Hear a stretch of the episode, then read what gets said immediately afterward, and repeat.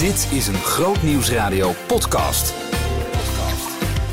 Het is week 50 en het is een week waar ongelooflijk veel is gebeurd bij Groot Nieuws Radio. Ik kan lang niet alles eh, vatten in de podcast. Ik heb er een eh, soort van talkshow aflevering van gemaakt.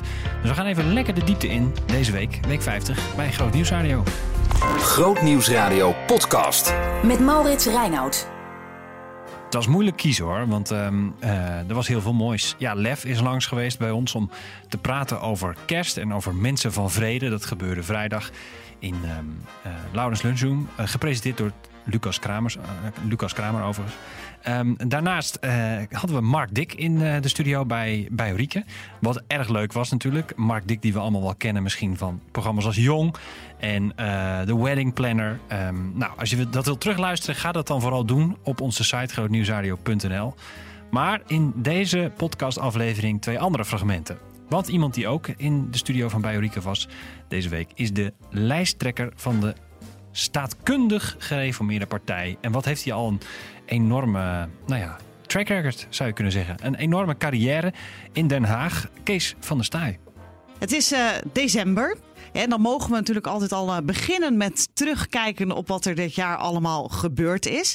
Ik ben eerst namelijk wel benieuwd, hoe is 2020 voor u persoonlijk, dus los van de politiek geweest? los van de politiek is het wel, nou ja, uh, persoonlijk wel een zoon die op kamers ging. Dat is toch echt wel uh, een, een, een, verandering in, in, in je thuisomstandigheden. Echt dat je naar uh, je zoon gaat uh, op zijn kamer uh, en hij is weer eens thuis komt. En dat is toch echt wel anders. Echt een nieuwe fase. Echt een nieuwe fase. En nou ja, ook wel weer van mijn vrouw die net ook afgestudeerd is in psychologie en nu nog voor de master bezig is. Een stage bij, bij De Hoop doet. nou, dat vind ik eigenlijk ook ontzettend leuk. Toch ook wel heel vaak dat dat, in het, dat, dat thuis erover gaat van waar zij tegenaan loopt. En ook ja, echt, echt heel leuk. En was het dat, u, dat uw zoon op kamers ging, um, stond de, koffer al lang uh, bij de deur? Of was het toch uh, dat u met een traantje, daar gaat, daar gaat hij, het nest uit? Um, nou, ik ben natuurlijk ook vaak zelf wel van huis voor allerlei debatten en wat. Dus je zou zeggen van nou, je, je mist dat toch niet zo sterk dan uh, door de week. En toch, ja, ik, moet, ik vond het wel even slikken, zeg maar, ook wel weer. Om, om, om, om gewoon uh, weer uh, niet het, dat, dat hij normaal weer thuis komt, zeg maar, dat, dat te ervaren. Ja, dat is toch wel even een, uh, een beetje we weemoedig. Ja, inderdaad. Toch wel weer dat je, weet je, aan de andere kant denk, ja, vind ik het ook wel weer leuk. Denk ook wel dat het goed is, ook voor zijn ontwikkeling weer, dat je op die manier weer meer op eigen benen komt te staan. Uh, dus, dus het hoort er ook bij. Uh, wel positief uh, tegenover. En tegelijkertijd, je denkt wel een beetje van. ja, misschien wat ik ook wel een beetje mis, ook bijvoorbeeld in. in in, vakantieperiodes en dergelijke, of op, op zaterdagen. Dat je daar, ja, vroeger deed je ook wel heel veel met uh, de kinderen. Dat je ook op pad was of dingen aan het doen was. En had je eigenlijk vanzelf ook wel een wereld buiten de politiek. Nu merk ik dat ik moet oppassen dat ook in je vrije tijd die politiek oh ja. nog niet eigenlijk elke keer gelijk weer oppopt. En uh, dus, dus ja, wel thuis ook over gehad met mijn vrouw ook van uh, meer mensen die dat natuurlijk op die manier ervaren. Van ja. je moet eigenlijk weer op een andere manier ook echt je, je vrije tijdsactiviteit uh, vormgeven. Een soort nieuwe, nieuwe hobby gaan zoeken. Ja, zoiets ja. ja. Heeft u die al gevonden of is dat in, uh, in proces? Nou, uh, ik heb wel een uh, de, vriend in de buurt die van gevangenenzorgdirecteur is. en die mij probeert te verleiden om ook vissen leuk te gaan vinden. Oh. En vooral snoekvissen. Uh, en ik ben al verschillende keren met hem op pad geweest. En ik vind gewoon het gezellige contact en de goede gesprekken leuk.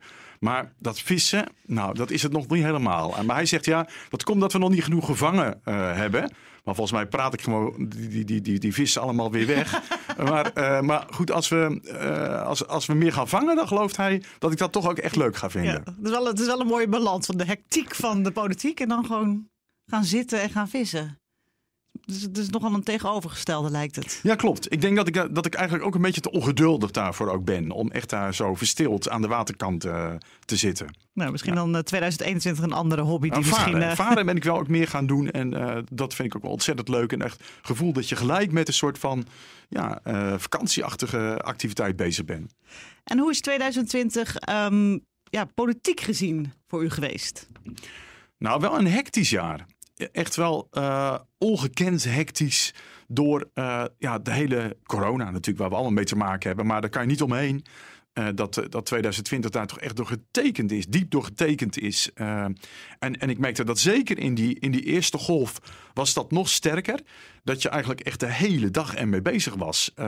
En er s s'morgens vroeg mee wakker werd. en ja, dat had ik, al, had ik eigenlijk alleen maar dat ik echt uh, dat, dat, dat ik zeg maar uh, vroeg wakker ben en dan gelijk iets in mijn hoofd heb. Ken ik bijna alleen van hele heftige persoonlijke omstandigheden van toen tien jaar geleden mijn moeder overleed. Dat ik ineens elke morgen heel vroeg wakker werd. Mm. Zoiets. En ik denk, verdraaid, nu heb ik dat weer. En eigenlijk verder nooit gehad. Zo. Maar dat je gelijk dacht van, uh, hoe gaat het in die ziekenhuizen?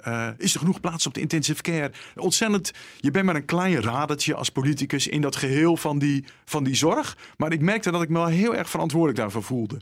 En die verantwoordelijkheid voelde dat als een, ja, als, een, als een druk van dat het daardoor ook zoveel impact dan heeft? Ja, ik denk het, ik denk het wel. De, de, de, de spanning van gaat het goed. Hè? We hadden denk ik allemaal wel de beelden gezien van Italië. Van dat daar gewoon uh, mensen die zorg in die ziekenhuizen niet konden krijgen. Omdat ze gewoon totaal overbelast waren. En, en kijk, nu kijk je terug en weet je dat het uiteindelijk goed gekomen is. Althans, goed gekomen relatief. Hè? Er zijn ja. ook mensen die natuurlijk ontzettend veel hebben moeten geven. Ontzettend veel mensen die verlies hebben moeten ervaren. Maar als het gaat om liggen de mensen op de stoep van het ziekenhuis die we niet kunnen helpen. Dat is gelukkig niet gebeurd. Maar dat weet je nu achteraf. Maar toen wisten we dat nog niet. Je zag die cijfers groeien. We wisten nog niet hoe dat zou aflopen. En Uh, en en uh, ja, ik heb toen echt heel veel ook gebeld. Je zat ook thuis nog uh, vaak. Mm -hmm. Weinig debatten. Met verpleegkundigen, met intensive care artsen, met ziekenhuisdirecteuren. En als ik niet zelf gebeld werd, dan belde ik wel op om, om te horen van waar lopen jullie tegenaan? Hoe gaat het? Uh, wat kunnen we nog meer doen? En nou, dat. Ja, een grote, grote impact. Ehm, bij het losbreken van de coronacrisis in maart leek het ook wel even alsof de politieke verschillen er even niet waren. Heeft u dat als bijzonder ervaren? Ja, zeker. Dat heb je uh, ja, in, in al de heftigheid van die politieke debatten, van het scherp tegenover elkaar staan. Uh, had je natuurlijk wel met elkaar eigenlijk hetzelfde uh, ja, inzet. Uh, namelijk om, om die, die, die, die zorg zo goed mogelijk te kunnen geven aan zoveel mogelijk mensen. En ehm, daar, daar vielen toen wel even verschillen in weg. Dat was ook wel een hele mooie kant ervan. Ja, dat is ook wel, ja, lijkt me ook wel inderdaad wel bijzonder. Op 28 februari van dit jaar maakte het SGP-bestuur bekend dat u ook bij de verkiezingen van 2021 lijsttrekker bent. Dat is bijna een jaar van tevoren. Eigenlijk alle partijen kwamen daar veel later mee naar buiten. Waarom is het zover van tevoren dit besluit al genomen? Oh ja, grappig. Had ik me nog ineens gerealiseerd dat dat inderdaad heel erg vroeg van tevoren. Ja, ja, dus, maar ja dat, bijna dat, een jaar. Het klopt dat wij uh, uh, dat, dat, dat zit in onze uh, geschiedenis dat we eigenlijk vroeger hadden we maar één keer per jaar een congres, een partijcongres. En dat was het jaar voorafgaand aan het jaar waarin verkiezingen werd gehouden. Moest dan de lijsttrekker gekozen worden. Dus dan zit je eigenlijk op voorjaar 2020. Dus dat betekent dat je dus al aan het begin van 2020 dan eigenlijk moet uh, uh, be bepalen of je beschikbaar bent, ja dan nee. Ja. Dus daar, daar komt dat door. Oh ja, dat, ja, dus ja. daarom al zoveel, zoveel ja. van tevoren. En wat vaak hoor je uh, dan dat lijsttrekkers een hele afweging moeten maken met het thuisfront overleggen. Heeft u daar de tijd voor genomen? Ja, dat, dat, um, dat, dat zat voor mij inderdaad al een beetje ging al spelen vanaf de zomer uh, vorig, vorig jaar. Uh, dat ik echt ook al toen met uh, partijbestuur, met de fractie in gesprek was van ja, wat, wat, wat, wat, wat is wijs, wat is in het belang van de partij. En nou ja, uiteindelijk heeft voor mij ook zwaar gewogen dat zowel partijbestuur als mijn fractiegenoten zeiden van nou, het zou toch wel heel fijn zijn als jij nog opnieuw bereid zou zijn om, om onze voorman te zijn. Dus het, het, het voelt heel vanzelfsprekend van oh ja, natuurlijk, Kees van der Staaij is weer fractievoorzitter. Maar zo vanzelfsprekend is het dan ook weer niet voor u? Nee, zeker niet. Uh, en, en zeker deze keer niet. En dat komt omdat uh, uh, ik vind eigenlijk als je ook weer bijvoorbeeld drie keer, ik had drie keer ook lijsttrekker geweest, dan vind ik het eigenlijk best ook goed dat je weer je afvraagt van nou, is het niet een mooi moment om weer iemand anders met ook weer andere gaven dan jij hebt, uh, weer het stokje uh, te laten, om aan hem het, uh, het stokje over te dragen. dus ik stond daar op zichzelf wel voor open, want ik vind in zijn algemeenheid ook in de partij uh, het, het niet vanzelfsprekend dat mensen eigenlijk altijd uh, uh, blijven zitten zolang ze ehm, daar met enthousiasme hun werk doen. Oh ja. Eh, omdat inderdaad, weet je, toch een beetje het besef van ja, we hebben allemaal onze gaven, maar ook allemaal onze beperkingen. En een stukje uh, roulatie is daar ook wel weer goed in. Uh, dus als ik dat tegen anderen zeg, moet ik dat ook tegen mezelf zeggen. maar dus u bent ik, het langzittende Kamerlid, bent u in Nederland. En dan meer dan tien jaar dus in dat fractievoorzitter. Zijn er in de jaren momenten geweest dat u dacht, ja, misschien is het ook wel tijd voor iets anders? Maar wel momenten waarop ik inderdaad wel eens verlangde naar iets minder uh, de druk van de politiek. Uh, 24 uur per dag, om het zo te zeggen. En daar uh, zie ik wel een zekere ontwikkeling in. En is ook wel een zorg die ik in de Kamer ook aan het bespreken ben met collega's. Van, ik zie die druk uh, op dat Kamerlidmaatschap, eigenlijk op, of op die Kamerleden van het Kamerlidmaatschap, eigenlijk wel toenemen in de loop van de tijd. Ehm, echt de tijd, 20 jaar geleden, dat je dinsdag moest, donderdag stevige Kamerdebatten gehad. Maar vrijdag kon je ook in je tuintje wel eens even weer uh, wat orde op zaken stellen.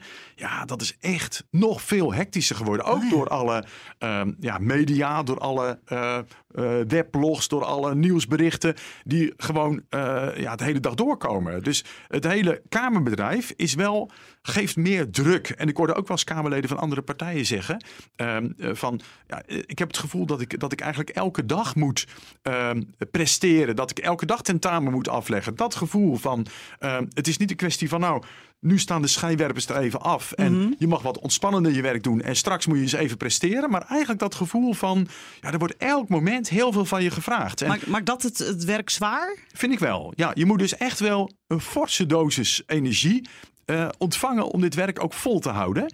En daar komt voor mij nog bij als voordeel dat ik ook weer nou, een heel fijn en, en stabiel thuisfront heb.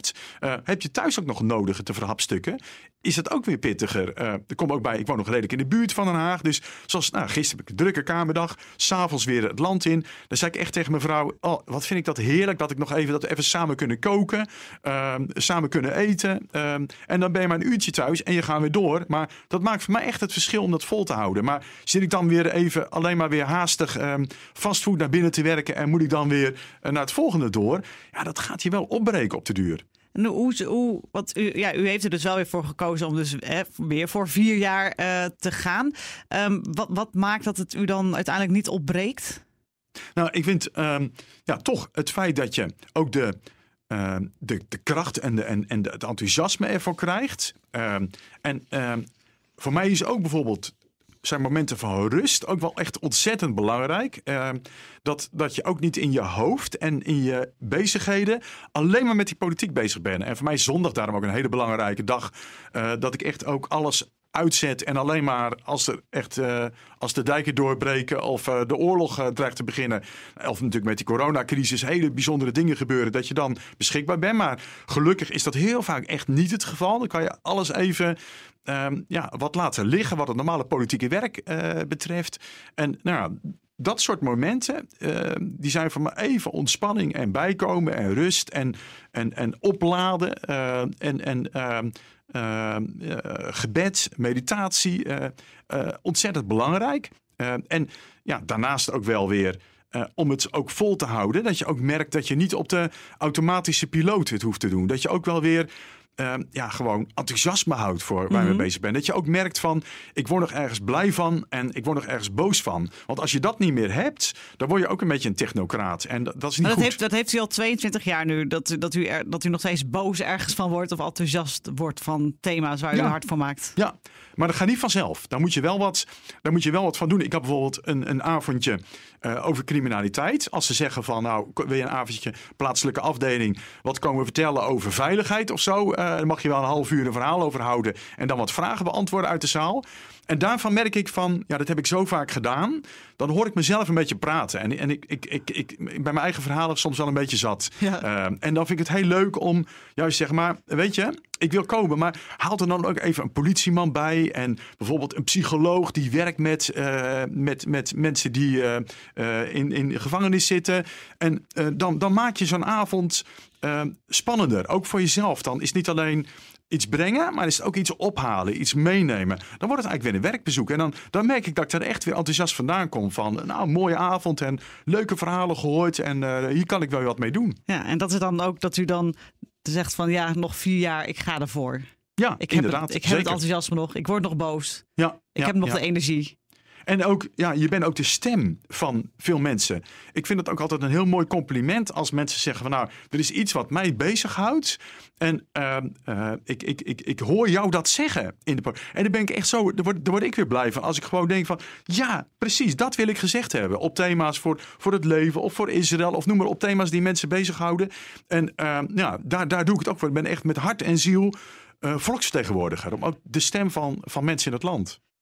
Ja, Kees van der Staaij dus met hart en ziel volksvertegenwoordiger. Mooi om even in zijn persoonlijke leven te kijken. Er werd nog meer eh, besproken, bijvoorbeeld ehm, antisemitisme, Israël. Ehm, en als je dat allemaal wil horen, dan kan je dat vinden via onze site grootnieuwsradio.nl. Grootnieuwsradio podcast. Met Maurits Reinoud. Esther Kaper is eindredacteur bij de videoafdeling van het Reformatorisch Dagblad en politiek actief voor de ChristenUnie. En eerder maakte ze programma's voor de EO en KRO en CRV. Ze heeft een druk leven, ze heeft een gezin. En uiteindelijk werkte dat door in een eh, periode waarin ze overspannen is geraakt. En over de lessen die ze daaruit heeft getrokken, ging ze in gesprek met Lucas Kramer in het programma Brandstof afgelopen maandag. En ehm, ik heb het hele gesprek gehoord. Het was erg mooi om te luisteren. Ik deel er het laatste deel van, waarin het gaat over haar geloof. Het is steeds makkelijker. Het is steeds makkelijker. Ja joh, ik, ik dacht vroeger van, oh, er zijn allemaal eh, eh, eh, theorieën voor, hè, van stille tijd en zo. Dat vond ik ook zo'n term. En dat, ja, stille tijd. Dan dacht ik, wat moet je dan doen? Nou, dan ging ik op de bank zitten met de Bijbel, ging ik een stukje lezen. En dan moest daar iets gebeuren, voor mijn gevoel. Dan moest je een ervaring hebben met God. Ja. Of, Dat moet perfect zijn misschien wel. ja, dat moest perfect zijn. En bij mij werkte dat helemaal niet. Dus ik, ik heb dat netjes geprobeerd, maar dat, dat werkte niet. En eh, nu ga ik wandelen in het bos. En dan is God zo dichtbij. En eh, ja, of ik zit op de bank kopje thee te drinken. Of ik sta onder de douche. Dat is ook zo'n plek. Dat zal heel veel mensen zullen dat herkennen. Dat- Dat je onder de douche gewoon ontspannen bent. En, en dan eh, met God praat. Of in de auto. Het is zoveel makkelijker geworden. Ja. Makkelijker geworden zelfs. Dat, dat vind ik bijzonder. Want een, een, een gedachte die misschien bij veel christenen leeft is van... ja, je moet wel geregeld uit de Bijbel lezen. Je moet geregeld bidden. Neem er de tijd voor. Dat is belangrijk, belangrijk als christen om dat te doen. Ja, maar ik denk dat God ons ontmoet op de plek waar, waar die ons het beste kan ontmoeten. Dus ik denk dat het het belangrijkste is dat je erachter komt wat dat voor jou is. En dat is denk ik voor iedereen anders. Jezus ging de berg op bijvoorbeeld. Ehm, ja, eh, ik weet niet of dat eh, Paulus was, die ging op het dak. Nee, dat was Petrus. Die ging op het dak eh, zitten om te bidden. Ik denk dat God ons wil ontmoeten op een plek waar, waar wij zijn, waar wij ons fijn voelen, waar we ons open kunnen stellen. En dat, is, dat, is, ja, dat vind ik zo mooi aan God. Hij kent ons persoonlijk. Dus de manier waarop hij contact met ons wil, is ook heel persoonlijk. Tenminste, ik, ja, ik, vraag het ook voor mezelf. om- om- omdat ik er zelf ook, ook wel mee worstel. Van wanneer is dan je geloofsleven goed genoeg? Eh, tenminste, ik, dat, dat- dat herken ik heel erg bij mezelf. Van het moet ook wel perfect zijn. Oh, Ik ben, ben lang niet de perfecte christen. Maar wanneer is het dan goed genoeg voor jou? Ja, ik vind dat een hele moeilijke vraag. Want Ja. ehm, wanneer is het goed genoeg? Dat is een beetje dezelfde vraag. van wanneer heb je balans in je leven? Dat is ook Ja. zo'n vraag waar iedereen mee bezig is. Ja, je moet balans in je leven hebben. Ja, die balans is er bij mij nooit. Want als ik denk dat ik hem heb, dan gebeurt er weer iets en dan ben ik weer uit balans. dus ik ga er maar vanuit dat die balans er niet komt. En dat, je, dat het uit de bedoeling is dat je hè, op een veerkrachtige manier kan omgaan met alles wat je tegenkomt in je leven. En soms heb je rustige tijden en soms eh, gebeuren er vervelende dingen of verdrietige dingen. Eh, en dan moet je daar mee om leren gaan. Ja, ik, nee, eh, wanneer is je geloofsleven goed?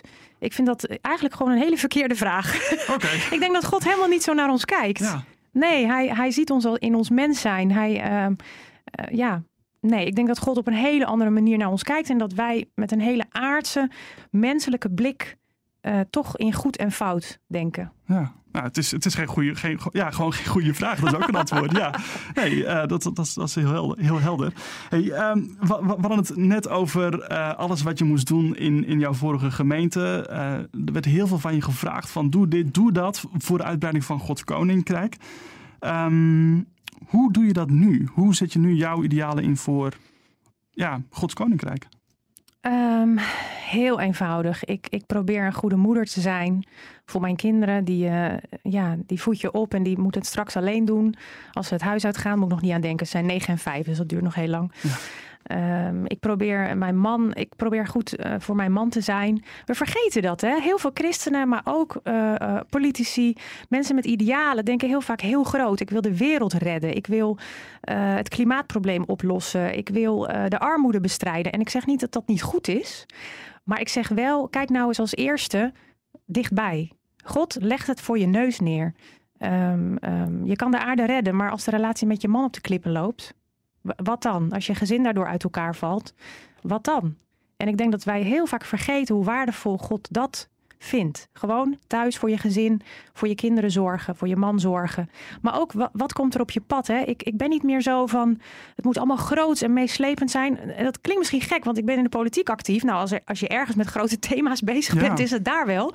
Maar ik loop het schoolplein op en, um, en, en een moeder vertelt even haar verhaal aan mij dat het niet goed gaat dat het met haar kind niet goed gaat. En dan, dan ben ik een luisterend oor. En dan, dan ben ik Jezus. Ik zat vanochtend in de auto nog te denken, Jezus, alles wat er met Jezus gebeurde, gebeurde eigenlijk op zijn pad. Hij kwam mensen tegen onderweg. En dan ging hij mee in gesprek. En dan was hij, was hij er voor ze. Hij, eh, ja, en misschien kwam het ook omdat hij geen vliegtuig had, dus niet de hele wereld over kon vliegen. Maar hij deed wat er op zijn pad komt. En ik geloof dat, dat, dat wij dat ook mogen doen. Dat je, dat je mag doen wat op je pad komt. Voor mij is dat politiek. Eh, maar ook de moeder op het schoolplein. Ja. Maar stel, er komt nu iemand in jouw gemeente naar je toe en die vraagt aan jou van, hey, wil je meedoen aan dit project? We gaan evangeliseren met kerst. We gaan iets, eh, iets groots doen. Wanneer zeg je ja en wanneer zeg je nee? Um, nou, ik, ik, ben allereerst gaan nadenken over waar, waar ligt mijn kracht. En ik heb bijvoorbeeld een vriendin die evangeliseert werkelijk overal. Die staat bij de bushalte en ze heeft een gesprek over Jezus met een puber. Dat is echt ongelooflijk onvoorstelbaar. Zij dat komt op haar pad dan. En dat komt op haar pad, maar zij is daar ook heel goed in. Zij voelt zich daar compleet comfortabel bij. Uh, ik voel me altijd heel erg gegeneerd als ik denk, ja, ik ken jou niet. En dan ga ik ineens over Jezus vertellen. Uh, zij doet dat vanzelf. Dat gaat helemaal vanzelf. En ik geloof ook dat je dan mag kijken naar jezelf. Wat heeft God nou in jou gelegd? Wat is de plek waar God jou heeft neergezet? In welk dorp of stad woon je? In welke, naar welke kerk ga je? Welke mensen ontmoet je? Welke dingen komen er op je af? En dan kijk ik nu, heb ik die energie? Um, um, heb ik de energie om, om me ergens voor in te zetten? Want wat ik heel veel zie om me heen, deed ik zelf ook. Heel erg veel doen en alles maar ongeveer 20% kunnen doen. En dan continu tegen dingen aanlopen dat je eigenlijk geen tijd hebt om dat eh, nog voor die persoon te doen. Je hebt er eigenlijk geen tijd voor. Dus je bent met, met een klein deel van je aandacht ben je bij heel veel dingen. En dan zul je merken dat dat enorme frictie en, en stress gaat geven. Ja. Ik zit ook te denken aan wat Jezus zei over van, um, ja, dat, dat, dat is de grote opdracht toch, eind, uh, ergens in Matthäus volgens mij, van maak alle volken tot mijn discipelen. Ja, maar dat is toch veel breder dan alles wat op je pad komt. Ja, maar weet je wat nou zo mooi is, Lucas? Hij zegt dat tegen ons allemaal. Hij zegt het niet alleen tegen jou. Dus, dus jij hoeft niet alle volken tot zijn discipelen te maken. Dat hoef je niet in je eentje te doen. Gelukkig. ja, dat is zo'n opluchting. We, er zijn miljoenen christenen over de hele wereld. En die hebben allemaal hun taak, hun rol, hun plek. Uh, waar ze mogen doen, waar God ze voor geroepen heeft. En jij bent maar een heel klein schakeltje in het geheel. En daar mag je je plek vinden, daar mag je van genieten. We hadden het in het begin over dat ik niet meer kon genieten. God wil dat we genieten. God wil dat we in vrede leven. Dat we, dat we rust hebben. Dat we, wat Jezus zegt, geef mij, um, uh, um, kom naar mij als je moe bent en, en belast. Ik geef je rust. En hoe kan het dan dat we als christenen ons over de kop werken? Dat is niet hoe Jezus het volgens mij bedoeld heeft en wat hij ons kan geven. Je hoeft het niet alleen te doen. Je hebt ook nog steeds het boek voor je van Thomas Sjödin. Um, een inspiratie voor jou. Hij is een, is een Zweedse pastor. Um, en, en je wilde nog een, een anekdote daaruit delen. Ja, want ik voelde me in de tijd van overspannenheid heel erg tekort schieten. Omdat ik echt vier maanden niks kon. En ik dacht van, ik, ik kan niet eens voor mijn gezin zorgen. Ik stel helemaal niks voor. En dat nam ik mezelf heel erg kwalijk. Uh, toen las ik het verhaal van Thomas Sjödin uh, en zijn vrouw. Ze hadden een gehandicapte zoon. En daar hadden ze heel veel intensieve zorgen voor. Daar waren ze dag en nacht eh, mee bezig. En wat zij deden is eens in de zoveel tijd gingen ze op vakantie. Om even eruit te komen. Om even tot zichzelf te komen. En ze voelden zich daar altijd schuldig over. Van ja, we laten hem in de steek. En toen waren ze op vakantie. En toen is die zoon overleden. Ja, ik krijg bijna weer tranen in mijn ogen. Als ik erover denk. Want het is zo'n mooi verhaal. Die zoon overlijdt als ze op vakantie zijn. En Thomas en zijn vrouw die voelen zich zo tekortschieten. Die denken, we waren er niet. We waren er niet op het moment dat hij stierf en hij ons zo nodig had. En dan zegt hij aan het eind, ik ga het even voorlezen, anders komt het er niet normaal uit. Ehm, hij, hij schrijft: Je kunt niet alles in dit leven. En daarom moet je af en toe liefdevol afstand nemen van degene van wie je houdt. In de wetenschap dat het een uiting van dezelfde liefde is, waardoor we de energie hadden om daar bijna alle andere dagen wel te zijn. Hij heeft jaren voor die zoon gezorgd. Hij was er elke dag. En op het moment dat ze even afstand namen omdat het moest, is hij overleden. En dan kun je aan de ene kant heel schuldig voelen dat je daar niet was. En aan de andere kant schrijft hij: We hadden er anders niet al die andere dagen kunnen zijn. Dus als je, als je denkt: Ik moet even tijd voor mezelf, ik moet me terugtrekken, ik moet even de deur dicht doen, ik moet uh, iets voor mezelf gaan doen, ik moet mijn gezin even aan mijn man overlaten. Dan denk ik: Doe dat, want het geeft je de gelegenheid om er dan de volgende dag, de dagen daarna, wel weer voor hen te zijn. Esther Kaper hoor je. En het hele gesprek is te luisteren via onze site grootnieuwsradio.nl. Tip voor de top 1008.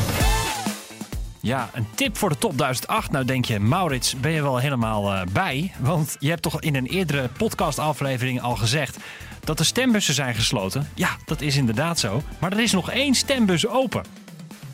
Nou, waar heb ik het over? Je kunt iemand een Bijbel cadeau doen tijdens de top 1008. Ja, dat is best wel bijzonder. We hebben een eh, enorme hoeveelheid Bijbels aangeleverd gekregen. Hier bij Groot Nieuws Radio van het Nederlands Bijbelgenootschap. Allemaal Bijbels in gewone taal. Dus ken jij iemand die het evangelie nog niet heeft gehoord, uh, die er misschien uh, een beetje onbekend mee is, of het misschien vroeger wel eens heeft gehoord, en die je wil interesseren voor de blijde boodschap die wij allemaal gaan horen natuurlijk met kerst dan um, ja, kan ik je eigenlijk verwijzen naar onze site. Want uh, ik zou zeggen, uh, wees zo vrijmoedig om het gewoon even door te geven. grootnieuwsradio.nl slash geef een bijbel. Gro grootnieuwsradio.nl slash geef een bijbel. Daar kun je aangeven wie jij een bijbel cadeau wil doen. En wie weet geven wij hem dan tijdens de top 1008 door. Dat zou toch cool zijn? Ja, een tip voor de top 1008. Die trouwens begint op 21 december, 9 uur s ochtends. Zet het alvast in je agenda. Acht dagen lang. Alleen maar de beste christelijke muziek volgens de luisteraars van Groot Nieuws Radio. Nou, dat uh, was mijn tip voor vandaag, voor deze week. Ik uh, bedank je voor het luisteren naar deze podcast. En ik kan je aanmoedigen om uh, volgende week gewoon weer te luisteren. En abonneer je even, dan krijg je die automatisch. Tot volgende week. Juist nu zijn het de liefdevolle gebaren die het verschil kunnen maken. Is het de hartelijke begroeting of alleen maar een warme blik die iemand door een dag kan helpen? En wat als je diegene echt van dienst zou kunnen zijn? Steek een hand uit. Bemoedig. Lach. Laat het zien.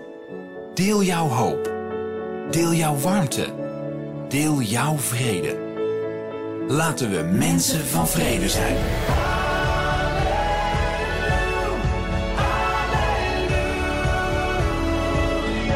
Groot Nieuws Radio. Het christelijke radiostation.